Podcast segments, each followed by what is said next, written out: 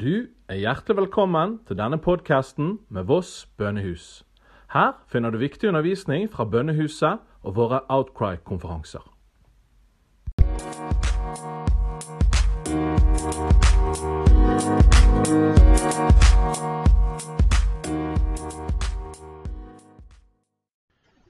Gode venner, så fint at vi kunne få lov å være sammen. Selv om det denne gangen blir via en skjerm. Før jeg deler det som Gud har lagt på mitt hjerte for denne kvelden, så vil jeg gjerne at vi sammen ber en bønn av mamma Maggie. Hun som jobber ute blant de fattigste av de fattige Kairos slum. Hennes bønn er blitt min bønn. Gjør kroppen min stille så jeg kjenner mine ord. Gjør tungen min stille så jeg hører mine tanker. Gjør tankene stille så jeg merker hjertet slå. Gjør hjertet mitt stille så min ånd kan tre fram. Gjør ånden min stille så din ånd kan tale i meg.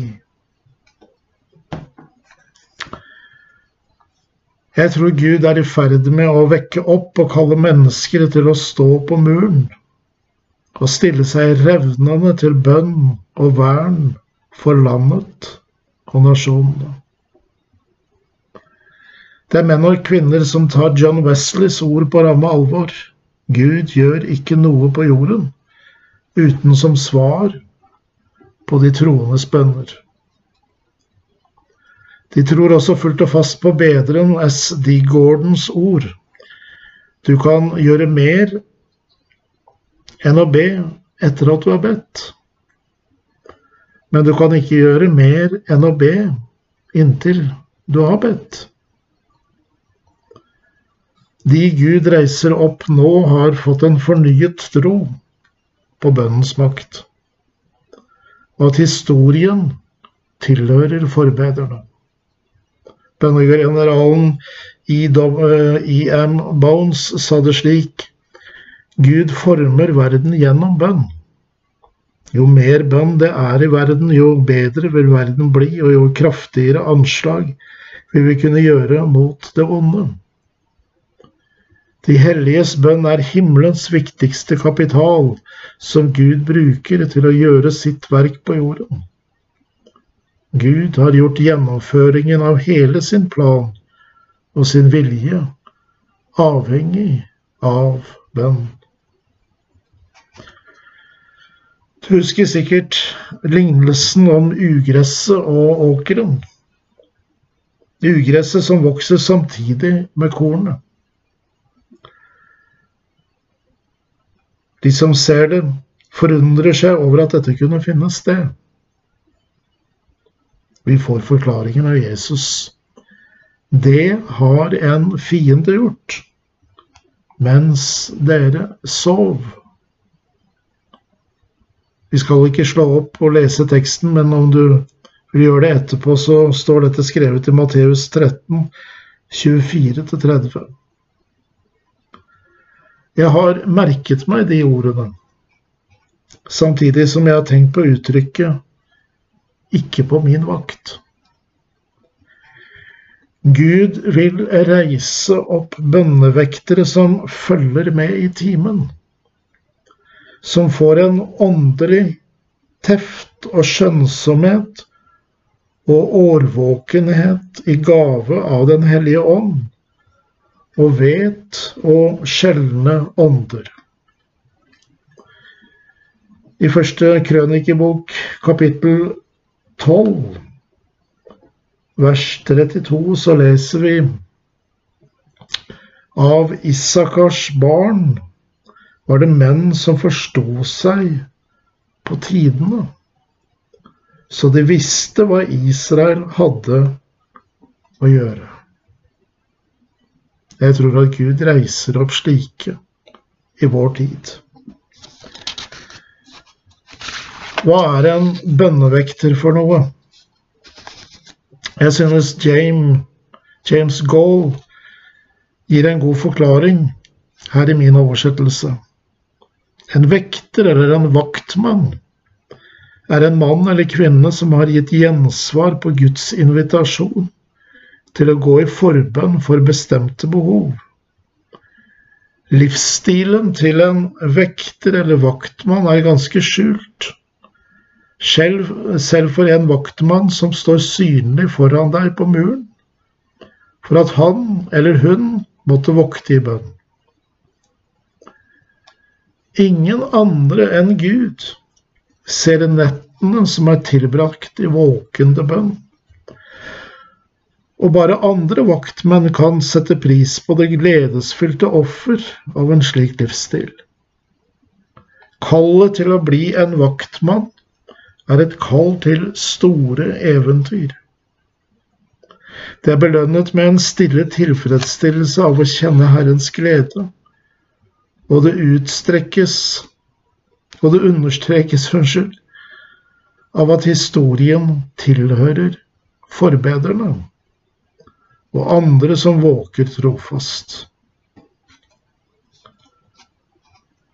På dine murer, Jerusalem, har jeg satt vektere. Jesaja 62,6. De hadde en spesiell oppgave. De skulle speide etter eventuelle fiender men også få varsle om noen om de så noen, slik at byen, i dette tilfellet Jerusalem, kunne settes i alarmberedskap og forsvares. Vi kjenner også vektere fra vår egen historie, han som gikk rundt i byen som brannvakt og skulle vekke opp folk om huset deres brant, eller det var tyver på ferde. Man kunne høre den store staven han bar når han slo den i bakken og ropte klokken er slagen. Den bibelske vekteren hadde også et annet oppdrag. Han skulle minne Herren om Hans ord og løfter.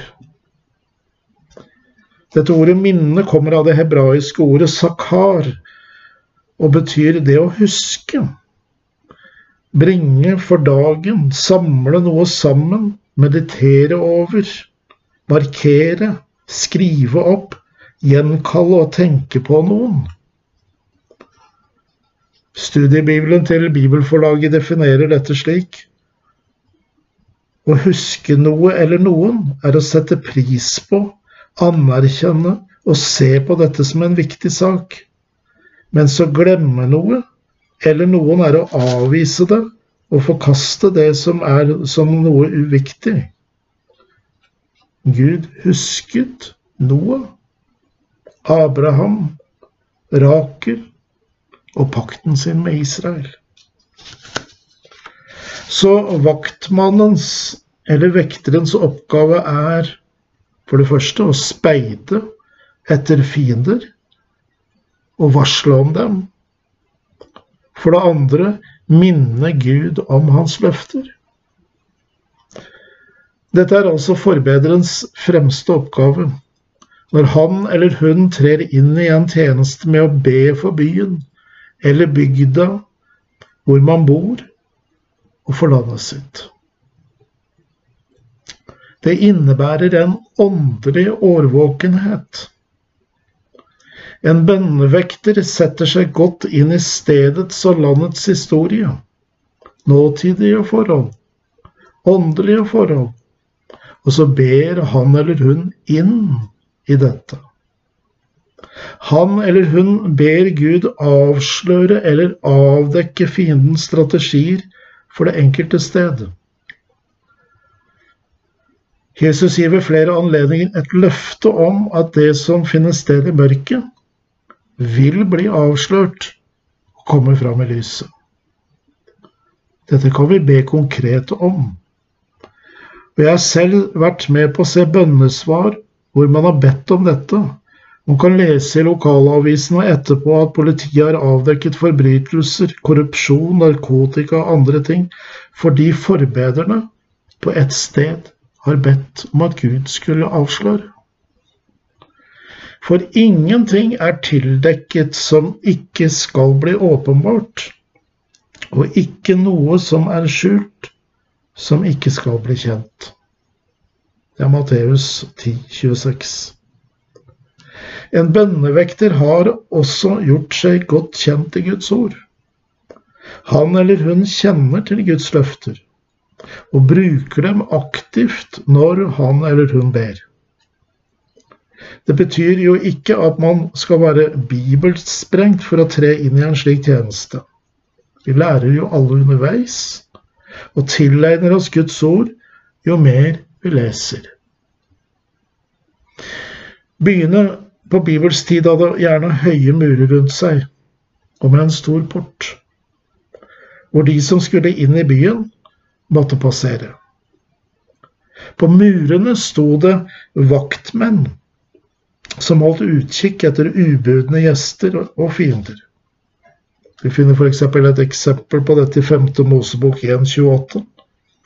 Hva er det for et land vi skal dra opp til? Våre brødre har gjort vårt hjerte motløst fordi de sa det er et folk som er større og høyere enn vi. De har store byer med murer som når opp til himmelen. Vekteren eller vaktmannen var en særlig viktig del for byens forsvar og kommunikasjonssystem. Derfor ble de plassert på de høyeste delene av Bibelen, slik at de kunne advare byens innbyggere om fare. Vaktmannen som sto på tårnet i Israel, ropte da han så Jehu komme med flokken sin. Jeg ser en flokk som kommer. Da sa Joram, send en rytter av sted for å møte dem og spørre, kommer dere med fred? Det har andre kongebok 9.17. Eller dette fra Jeremia 51,12. Løft banner mot Babels murer. Hold sterk vakt. Sett ut vaktposter. Legg bakhold. For Herren har tenkt ut og setter i verk det som Han har satt talt mot Babels innbyggere.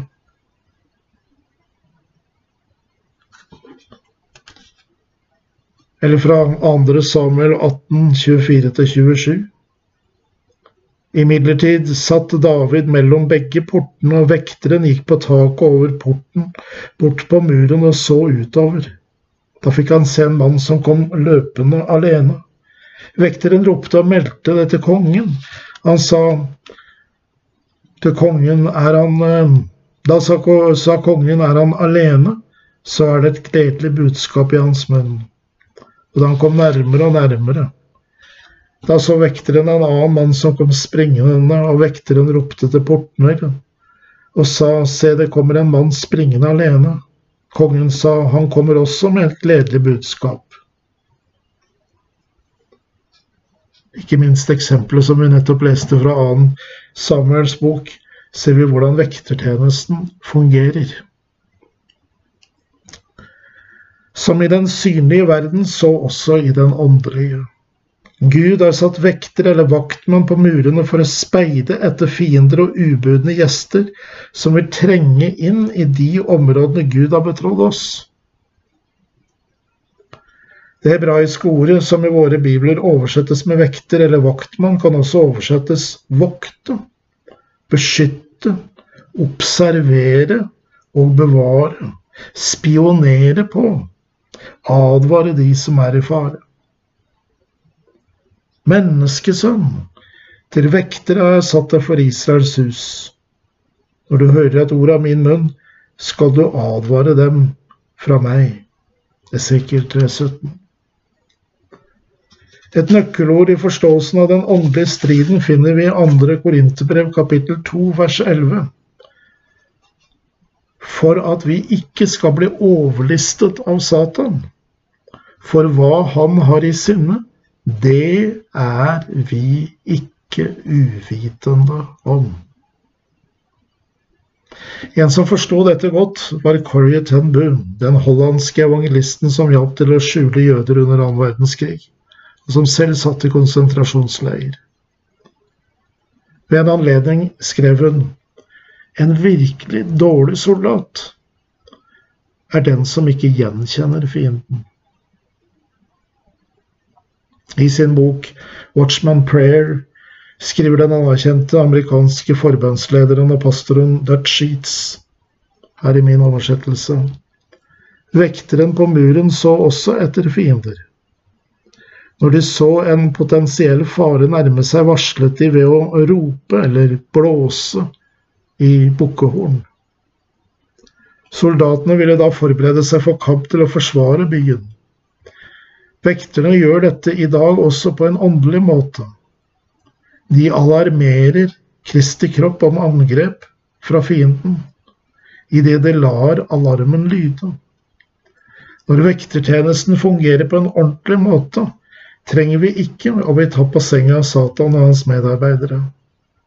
Nøkkelen til seier i både naturlig som i åndelig krigføring er en klar og tydelig identifisering av fienden og forstå hans karakter og metoder. En som er kalt til å være en vekter, en åndelig vaktmann, og følge de apostoliske rådene i 1. Peter 5,8.: Vær edrue, våk. Årsaken til at apostelen Peter fremhever behovet for årvåkenhet, får vi når vi leser videre i det samme vers. Deres motstander djevelen går omkring som en brølende løve og søker noe, og søker noen han kan oppsluke. Årvåkenhet er også noe apostelen Paulus har opptatt av når han skriver i 1. Tessalonikerbrev 5,6. La oss derfor ikke sove som de andre, men la oss våke og være edrue. Det er naturligvis sammenheng med at Jesus selv kalte sine etterfølgere til å være våkne men våk hver tid og stund. Lukas 21, 36. Hva er vår fiende først og fremst ute etter? Å stjele, myrde og ødelegge. Johannes 10, 10.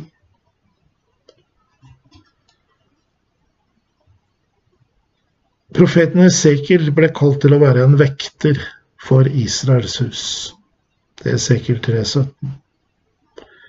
Vekterens eller vaktmannens kallsbrev beskrives for oss i kapittel 33 i denne profetboken.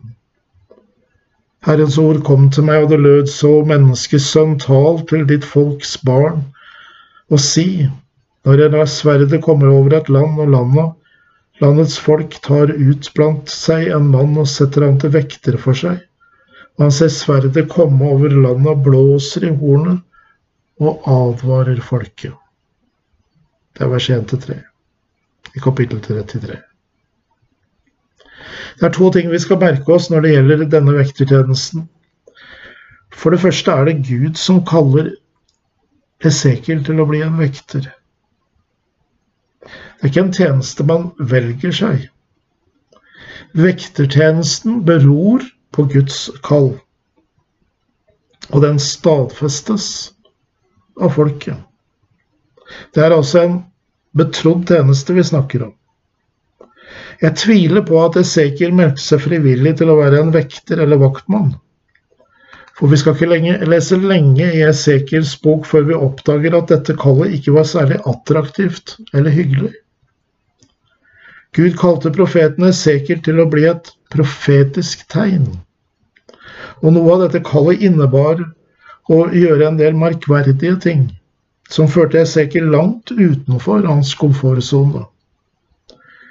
Gud taler til folket gjennom Esekiel, gjennom profetier, profetiske symbolhandlinger, lignelser, tegn og symboler for å dramatisere Guds kall til et folk som gjør opprør mot Gud. Folk flest måtte tro at Esekiel var spik spenna gæren og at han var, svært, var en svært upopulær mann i folks øyne. Det er i hvert fall sikkert. Det andre vi skal merke oss, er at Esekiel var en vekter som hørte fra Gud, og som ga et tydelig ord fra Herren, en advarsel til folket. Han ga ikke profetiske ord i hytt eller pine på bestilling, som enkelte profetiske røster gjør i dag. Men han ventet til Herren hadde talt til ham. Først da ga han et ord fra Gud videre til andre.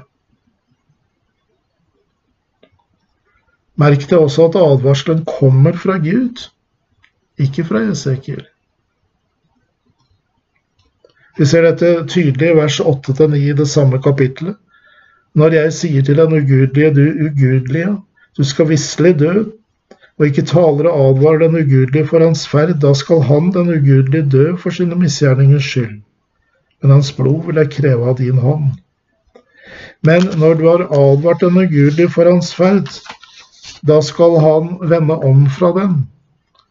Men om han ikke vender om fra sin ferd, da skal han dø for sin misgjernings skyld. Men du har reddet din sjel.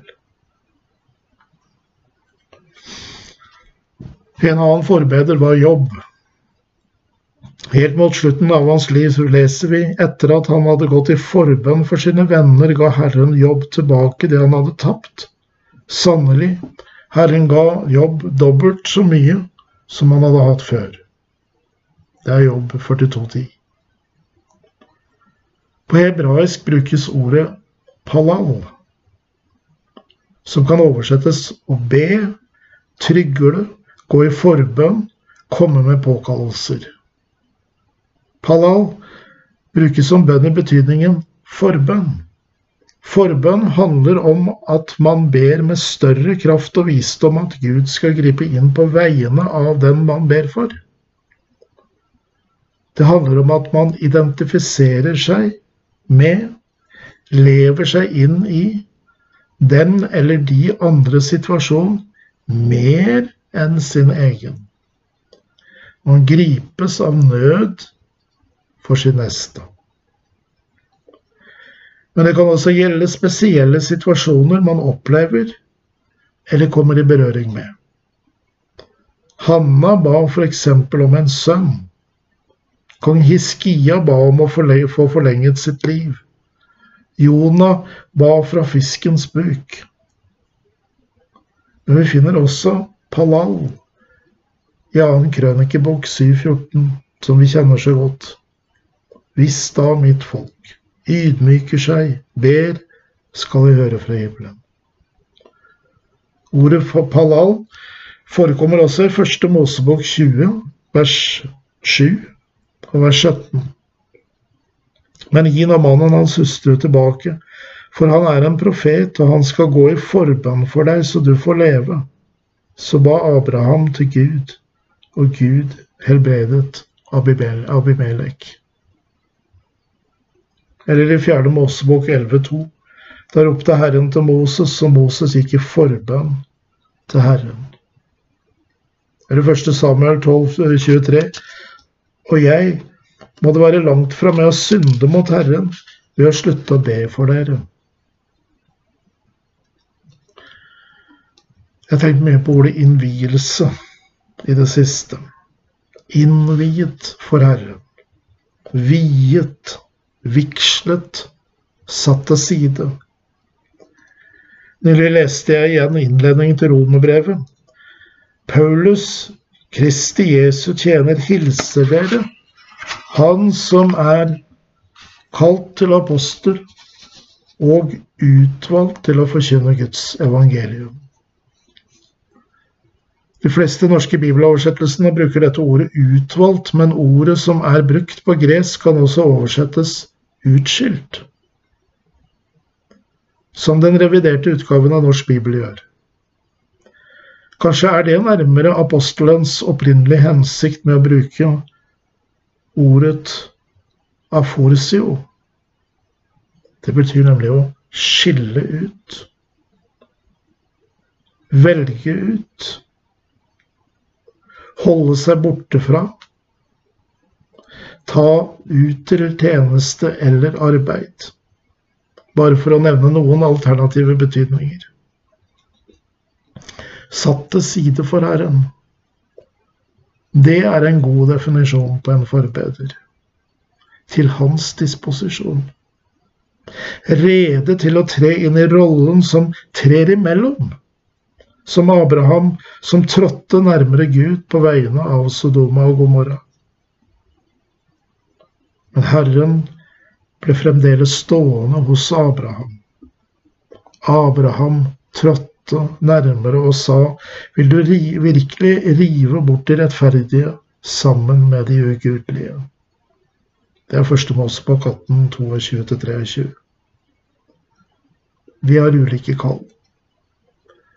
Kallet til forbeder handler om å bli satt til side for Herren, slik at Herren har disposisjonsretten over ens liv. En forbeder er en som identifiserer seg i en slik grad med den eller de man ber for, at man til en viss grad kan tre inn i rollen som den eller de eller det man ber for. Den hellige ånd kommer over vedkommende, og man fylles av en nød, ofte en smerte, for det man ber for. Dette er noe helt annet enn en generell forbønn, som vi alle er kalt til å gjøre. Men Herren kaller også noen spesielt til forbønnens tjeneste, skiller dem ut hva er så bønnens mål? Å bane vei for åndens verk. Jeg sier det igjen. Å bane vei for åndens verk. Forbederen er dermed en veirytter, En som rydder unna hindringer. Derfor er en forbeder en som vandrer i Guds nærhet. Det er ikke bare en som roper til Gud i nødens stund, men en som er satt til side, og som pleier, kultiverer omgangen med Gud. Han eller hun er til for Gud, satt til side for ham, disponibel for at Gud kan tale til ham eller henne og legge bønnebyrder på dem. Vi møter dette ordet forbønn i dets reneste og opprinnelige betydning i Romerbrevet 8, 26-27 og vers 34. På samme måte kommer også Ånden oss til hjelp i vår svakhet, for vi vet ikke hva vi skal be om for å be rett, men Ånden selv går i forbønn for oss med sokk uten ord. Han som gransker hjertene, vet hva Ånden vil, for Ånden ber for de hellige etter Guds vilje. Kristus Jesus er den som døde. Ja, mer enn det. Han står opp og sitter ved Guds høyre hånd, og han ber for oss. Det er lov å si et halleluja nå. I det minste kan dere spleise på ett. Her anvendes forbønn i sammenheng med Den hellige ånd og Guds sønn. Dette viser betydningen av forbønnens tjeneste. Andre og tredje person i guddommen er opptatt med dette. Vi kan derfor ikke ha eller avansere til noe større eller en mer betydningsfull stilling i Guds rike enn å være en forbeder. De som kalles til å trer inn i selskap og samfunn med Sønnen og, sønnen og Ånden, og med de største av Guds tjenere gjennom hele den hellige historien, er forbedret. Den opprinnelige betydningen av ordet forbønn før det anvendes av apostelen Paulus, handlet om å møte en betydningsfull person. Det syns jeg er interessant. F.eks. en konge og siden vinne dennes fortrolighet og vennskap. Derfor kunne man anvende dennes vennskap til å komme fram med ønsker om noe som kongen i sin kraft eller i sin stilling og makt kunne gjøre for sin venn. Et eksempel på dette er dronning Ester. Men en forbeder er ikke bare en som besøker kongen, men en som forblir i kongens nærhet og vinner hans gunst. Jeg skal gjenta det. En forbeder er ikke bare en som besøker kongen, men en som forblir i kongens nærhet og vinner hans gunst. Vi merker oss at Den hellige ånd går på djupet og ber med sukk uten ord, med usigelige ord, som det heter i en annen oversettelse. Slik er det også med forbederen. Han eller hun vet ofte ikke hva de skal be om, men da leder Ånden oss inn i de djupe sukkene, den ordløse bønnen som bare Ånden kan tyde. Men disse sukkene berører Guds hjerte. Dette er ikke et sukk vi lager oss selv. Dette er sukk som fødes fram.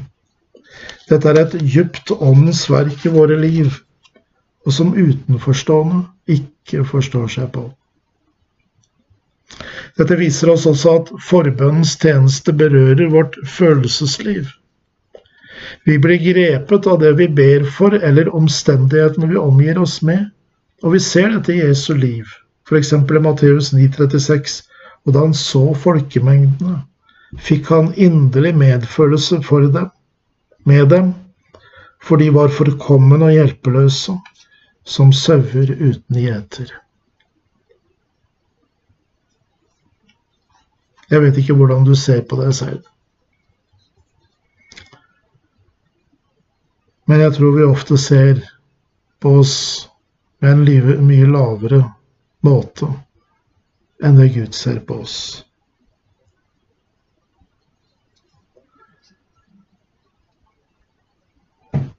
Det er ikke godt å ha høye tanker om seg selv. Gud står nemlig de stolte imot. Og det er ingen spøk å ha Gud som motstander. Men de ydmyke, de får nåde.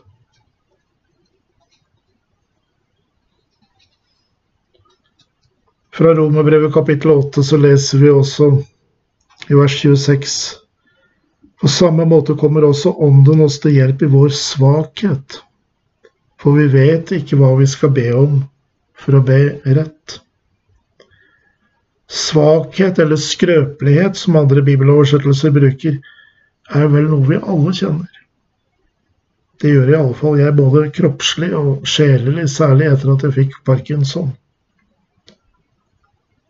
Og til noen ulike tider så sammenfaller både den kroppslige og den sjelelige svakheten.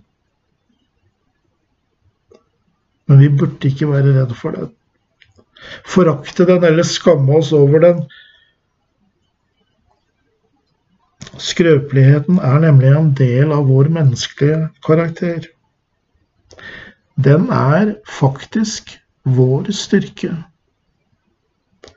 Fordi den gjør oss avhengig av Gud. Vårt største problem er ikke svakhet eller skrøpelighet. Tvert imot. Det er vår menneskelige styrke, som handler om at vi klarer oss selv. Jo større svakhet og skrøpelighet, jo mer slipper vi Den hellige ånd til. For det er ånden som utgjør den store forskjellen. I motsetning til oss vet nemlig ånden hva han ber om. Jeg er blitt så glad i ordene fra 1. Korinterbrev 2.10. For ånden utforsker alle ting, også dybdene i Gud. Det kommer også tider da forbedere blir sliten. Da er det viktig å komme inn i bønnens hvile. Å ta på seg bønneoppdrag kan være tungt arbeid. Bærer du en bønnebyrde som Herren har lagt på deg, kan det være utmattende. Da trenger man hvile iblant. Bønn handler ikke bare om ord, men om ånd. Uken har én hviledag. Vi trenger sabbatsroen. Det er hensyn som må tas til kroppen. En forbeider må ikke glemme at han eller hun også har en kropp som trenger hvile, ro søvn og mat. Noen ganger kan det å trene i forbønnen kreve så mye at det er viktig å ta pauser, hvor man ikke påtar seg nye forbønnsoppdrag for en tid. For det er en tid for alt. Jeg har lett for å bli distrahert. Det er så mange ting som er interessante. Da er det vanskelig å holde fokus. Når det skjer, så kommer Therese av Avila meg til hjelp. Ved siden av min kone er hun den viktigste, en av de viktigste kvinnene i mitt liv. Jeg har levd med henne i mange år nå. Hva hun hjelper meg med, spør du? Blant annet denne setningen. Husk at når du ber, så er det giveren som er gaven. Husk at når du ber, så er det giveren som er gaven. Da finner vi tilbake igjen til det rette fokus. Til det viktigste av alt at man søker Gud for Guds egen skyld. Ikke først og fremst for å få svar på våre bønner, men for å leve i og med Guds nærhet. At man er til for Herren og ham alene. Dette er forbederens viktigste oppgave. Den er viktigere enn det å be for andre og selve forutsetningen for det å kunne be for andre.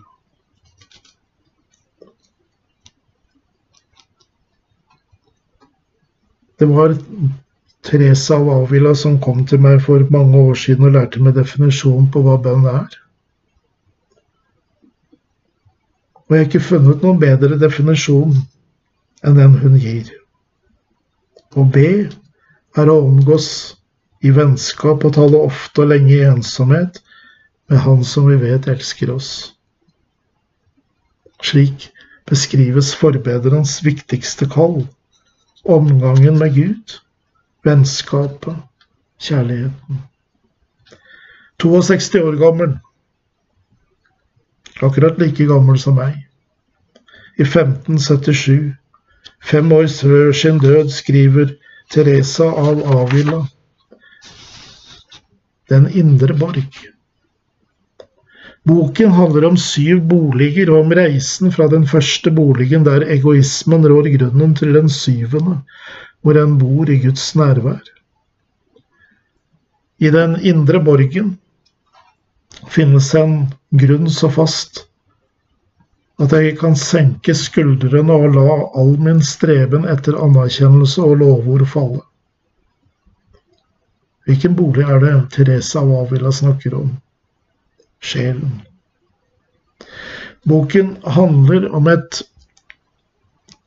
viktig begrep i den kristne tro. Metanoia. Det oversettes med omvendelse. Men gjennom Teresa av Avila får vi se at dette ordet handler om mye mer enn å angre sine synder, eller å be om tilgivelse. Befriende skriver Teresa av Avila om helliggjørelsens vei, en prosess i en langsom, trinnvis utvikling, hvor vi ikke får alt på en gang, og det ikke kreves fullkommenhet fra begynnelsen av. Jeg tror mange med meg opplever hennes undervisning om at evangeliets krav, oi da, finnes de også. Ikke umiddelbart trenger å bli oppfylt i hele sitt omfang men at man gjennom Åndens hjelp går troens vei skritt for skritt. At det er befriende. Og for å bli i billedbruken til Teresa Wavila fra bolig til bolig. Det disse boligene lærer oss, er at vi må vandre videre. Men det er noe vesentlig i denne sammenhengen. Vi må bli i de boligene hvor Ånden ber oss om å bli boende, inntil det er tid å flytte. Dette er for meg en stadig tilbakevendende lekse. For overfladiskheten preger vår egen tid. Alt skal gå så fort, også de åndelige prosessene vi er inne i. Dermed blir slitasjen så enormt stor også blant forbederne. Mas etter nye opplevelser, den aldri hvilende troen. Jeg møter stadig disse med høye skuldre, med overfladisk pust, med kvelningsfornemmelsene. Den som elsker, vil erfare den elskede, sier Teresa av Avila. Hun peker likevel på at kjærlighet er mer enn en erfaring, og at den som bare søker opplevelser, kjører seg fast i seg selv og mister den elskede av syne. For Teresa av Avila er erfaringens funksjon å befri, seg, befri meg fra meg selv, slik at det blir stadig mindre jeg og mer du.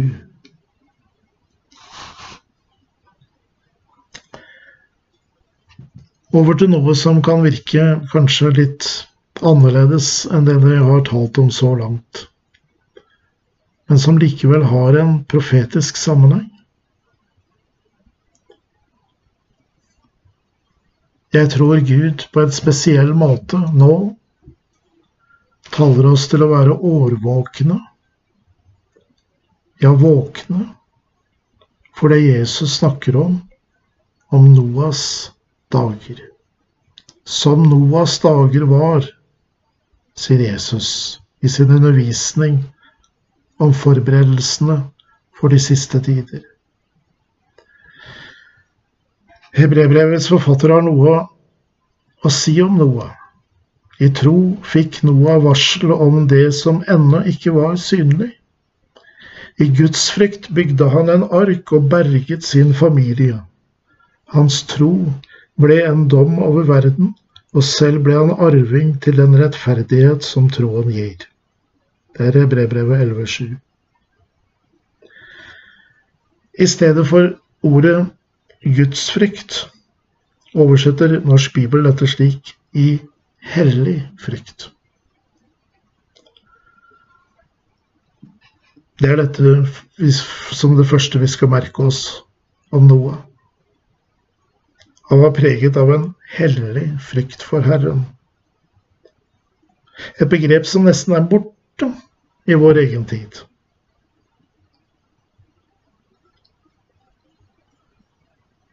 Men vi har sett det igjen og igjen gjennom hele den hellige historien. Gud reiser opp menn og kvinner som er besjelet med en hellig frykt for Herren. De er opptatt av å leve rett og la helligheten forme deres liv. Deres første kall er at Guds navn skal helliges. Det er det Jesus lærer oss når han lærer oss vår Far. Matteus 6,9. Noe av det første vi leser om Noah, er dette. Men Noah fant nåde for Herrens øyne. Noah var en rettferdig mann, ulastelig blant sine samtidige. Noah vandret med Gud. vandret med Gud. Hvor hadde han lært det fra? Vi leser at Noah var sønn av Lamek, og Lamek var sønn av Metushala, som igjen var sønn av Enok. Om han heter det første Mosebok 5.22, og Enok vandret med Gud i 300 år etter at han fikk Metusala. Han fikk sønner og døtre. Enok var altså en person som vandret med Gud i sine hverdager, med alt hva det innebærer. Og han hadde lang erfaring. Jeg ser for meg at Enok delte sine erfaringer med sin sønn, som igjen delte dette med sin sønn når han ble far til Lamek, og Lamek gjenfortalte historien om Enok, eller Henok som han heter i den nye oversettelsen. Forholdet mellom Enok og Herren var så spesielt at når Enok skulle dø, så hentet Herren ham hjem. Og Enok vandret med Gud, så ble han borte, for Gud tok ham til seg. Det er første Mosebok 524. Dette ville nok også Noah oppleve. Fortellingen om Enok må ha inspirert ham og skapt lengsler i ham etter å kjenne Gud og få oppleve et slikt fortrolig fellesskap og vennskap som Enok hadde hatt. Lamek la, ga sønnen navnet Noah, og Noah betyr hvile. Han fikk dette navnet fordi hans far hadde håpet at hans sønn skulle gi trøst.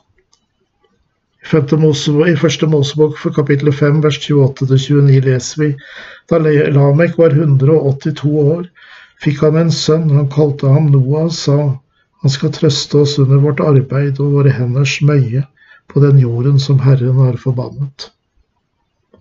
Det hebraiske navnet Noah har nemlig en viss likhet med et hebraisk verb for å trøste.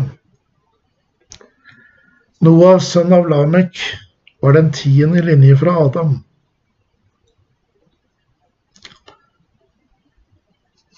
Og Enok måtte ha vært veldig påvirket av Adam, som hadde forsikkert fortalt om sine sterke gudsopplevelser.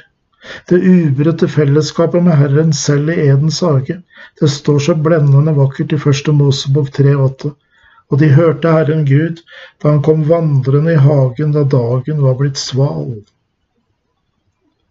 Men livet Noah levde sto i skarp kontrast til omgivelsene. Samtiden var alt annet enn god og trygg. Adams slekt var sunket ned i djup åndelig fortvilelse og umoral, og det finnes og det fører bl.a. til at levealderen går ned, og deres dager skal være 120 år. Første Mosebok 6,3.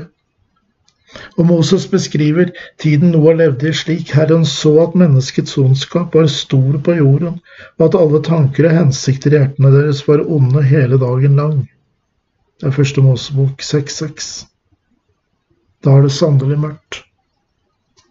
David beskriver syndens grufulle realitet i Salme 14,3 slik De er alle veket av, alle sammen er fordervet.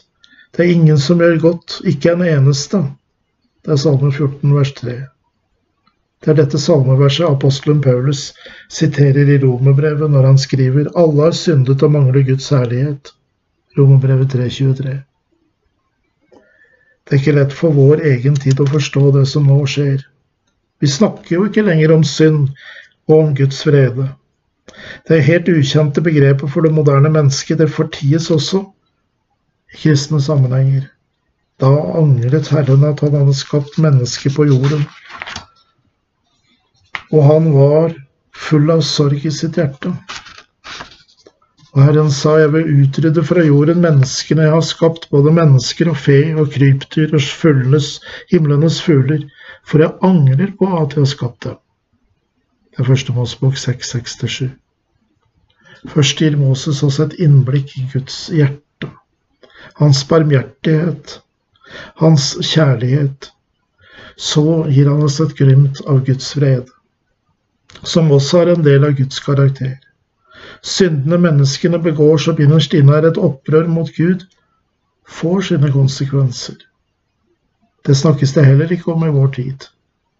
I vår tid som i Noas dager lever vi som en Gud ikke finnes, og det vi gjør får ingen konsekvenser om det ikke oppdages. Dommen, sier Børre Knutsen, kommer når Gud ikke lenger kan holde sin sorg for seg selv. Det brister for Gud, og hele skapningen brister med hans hjerte. Hvis jeg har studert Noahs liv, mannen som vandret med Gud, så kom jeg over noen taler av Børre Knutsen som han holdt på Bjerkeli misjonssenter i Tromsø vinteren 1991-92. Og en av hans taler handler nettopp om Noah.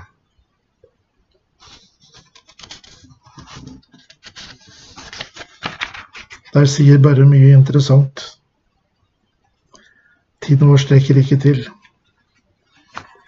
Men la meg avslutte med at den boken som heter Bereshit, bokstavelig betydning i begynnelsen, og som er ført i pennen av Moses.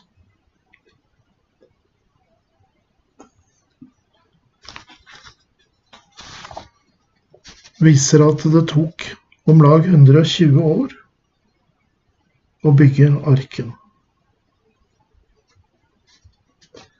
Hvordan ble så denne båtbyggingen til noe oppfattet i samtiden? Bibelen gir oss ikke noe entydig svar på det. Men som mildt kan sies.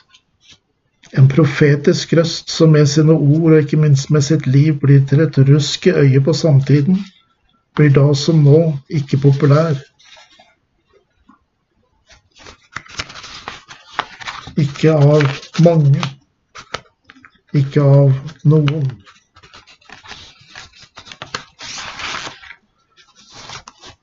Samtidens profetiske røster blir i dag beundret verdsatt og lyttet til. Så annerledes med Guds profetes, de som er fostret i ødemarken, alene med Gud, de blir vanæret, har ingen posisjoner og blir foraktet av samtiden. De er som utskudd. Jeg tror ikke mange kom for å lytte til domsbudskapet til Noah. Selv ikke han som var kjent som rettferdighetens forkynner, som apostelen Peter skriver i 2. Peter, Peters brev 2, vers 5. Ingen strømmet til Noahs konferanser, om han holdt noen. De lo nok av ham. En vannflom, en svær båt, verdens undergang Alt var jo som før. Og som Noas dager var, slik skal menneskesønnens dager være. For ikke som de de dagene før vannflommen åt og drakk, tok til ekte og ga til ekte, helt til den dommen, dagen da Noah gikk inn i arken. De visste ikke av det før vannflommen kom og tok dem alle. Slik skal det også være når menneskesønnen kommer. Matteus 24, 37-39. Hva er det som er så spesielt med dette? Taler ikke dette bare om hverdagslige hendelser? Det kan jo ikke være dette Gud reagerer så sterkt på, at han vil dømme menneskene for at de spiser og drikker, tar til ekte og gis til ekte. I 2014 så ble jeg klar over noe som var helt ukjent for meg. Noe som står og skrevet i den babylonske Talmud som var den boken rabbinerne brukte for å tolke Skriften 1000 år før Kristus. Dette er noe av det jeg skrev i en bloggartikkel 7. april i 2014. Janet Porter heter en kvinne som har skrevet en bok med tittelen The Criminalization of Christianity. Hun er president for Faith to Action, som bl.a. arbeider for å bevare det kristne ekteskapet. Hun har også vært for sitt eget radioprogram, og det var i den forbindelsen at hun hadde en gjest i studio. Jeffrey Statinover, som har en master fra Princeton University og har en doktorgrad fra Yale og Harvard, kunne fortelle noe særdeles interessant som beskrives i den babylonske Talmud. Den beskriver nemlig at det bare, at det bare er én tid i menneskets historie hvor menn giftet seg med menn og kvinner med kvinner. Jeg ville ha gjettet på Sodoma og Gomorra. Fordi i første Mosebok kapittel 19 beskriver aggressive, homoseksuelle, innstilt på å voldta uskyldige reisende, for å sitere studiebibelen ressurs. Slik er det ikke. Tiden Jeffrey Statinover snakker om, er tiden for vannflommen. Kan det være disse ekteskapene i anførsel er de Jesus sikter til i sin eskatologiske tale? En annen gjest som har deltatt i Janet Porters radioprogram, er rabbineren Aray Sparrow, som bekrefter Jeffrey Statinovers påstand. Han peker på at før vannflommen begynte menneskene å skrive ekteskapskontrakter mellom menn, med andre ord homofile ekteskap, som er mer enn homoseksuell aktivitet. Det ga et offisielt godkjenningsstempel. Rabbineren snakket i radioprogrammet om Guds medlidenhet, om folket før vannflommen, i det håp at menneskene skulle vende om. Gud viste tålmodighet i flere hundre år. Men som vi kjenner til fra første Mosebok 6,12, hvor Gud så på jorden og se den var fordervet, alt kjød hadde fordervet sin ferd på jorden. La meg trekke dette sammen til slutt. Jesaja 57, 1-2 er et nøkkelord for å forstå historien om Noah. Den rettferdige omkommer. Og det er ikke noen som legger det seg på hjertet. Fromme menn blir rykket bort uten at noen forstår det. For den rettferdige blir rykket bort før ulykken kommer. Han går inn til fred. De hviler på sine leier, alle de som går sin vei rett fram. Tiden må modnes for Guds dom. Men det er noen som holder igjen, nemlig de rettferdige. Som Noah, som Abraham. Det er de som er saltet som forhindrer forråtnelsen. Terry Prince skriver i sin bok 'Historien formes gjennom bønn og faste'. Vårt nærvær gjør verden til et sted som Gud kan godta. Vårt nærvær overgir verden til Guds nåde. Uten oss ville det ikke være noen som kunne holde, gjøre verden akseptabel for Gud.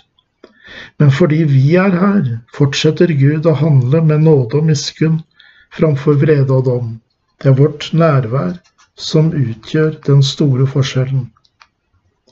Og så trekker Prins fram Abraham som et eksempel på dette.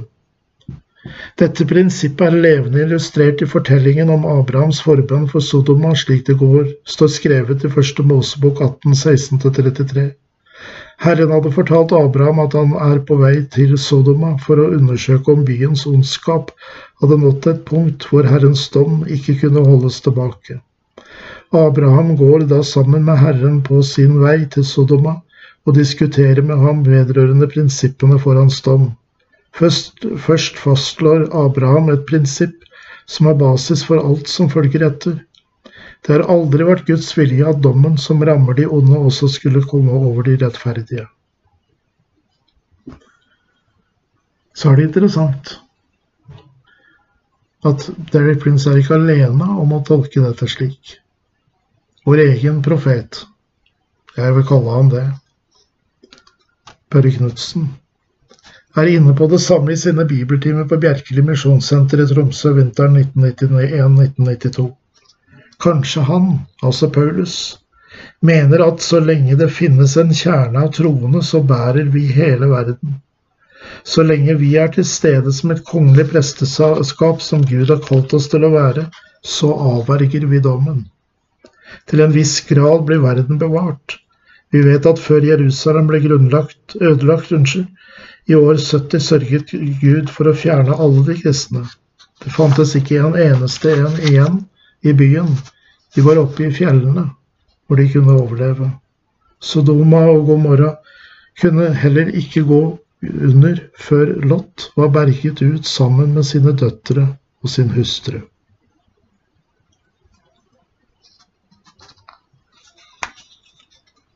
Dette er ikke lett Vente ord, sier Børre Knutsen og legger til. Han skapte og så på skaperverket. Han så at alt var såre godt, men fordi vi hadde ødelagt og besudlet og svint det til, måtte Gud sørge og angre. Denne angren og denne sorgen må skylle inn over oss hvis syns, syndflodsfortellingen skal bli sann for oss, og ikke bare en fjern fortelling om noe som en gang skjedde for lenge siden. I dag kaller Gud oss inn i forbønnens tjeneste. Vi er kalt til å være det salt og lys i verden som hindrer at verden forråtner, og som utsetter Guds dom.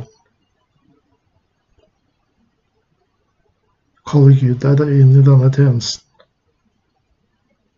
Det kan være at du er en av dem. Og siden vi er samlet her i Voss så er det mange forbedere som har samlet her. La oss dele erfaringer om hva det vil si å leve i Herrens nærhet og være til for Ham og Ham alene. I navnet til Faderen, Sønnen og Den hellige ånd.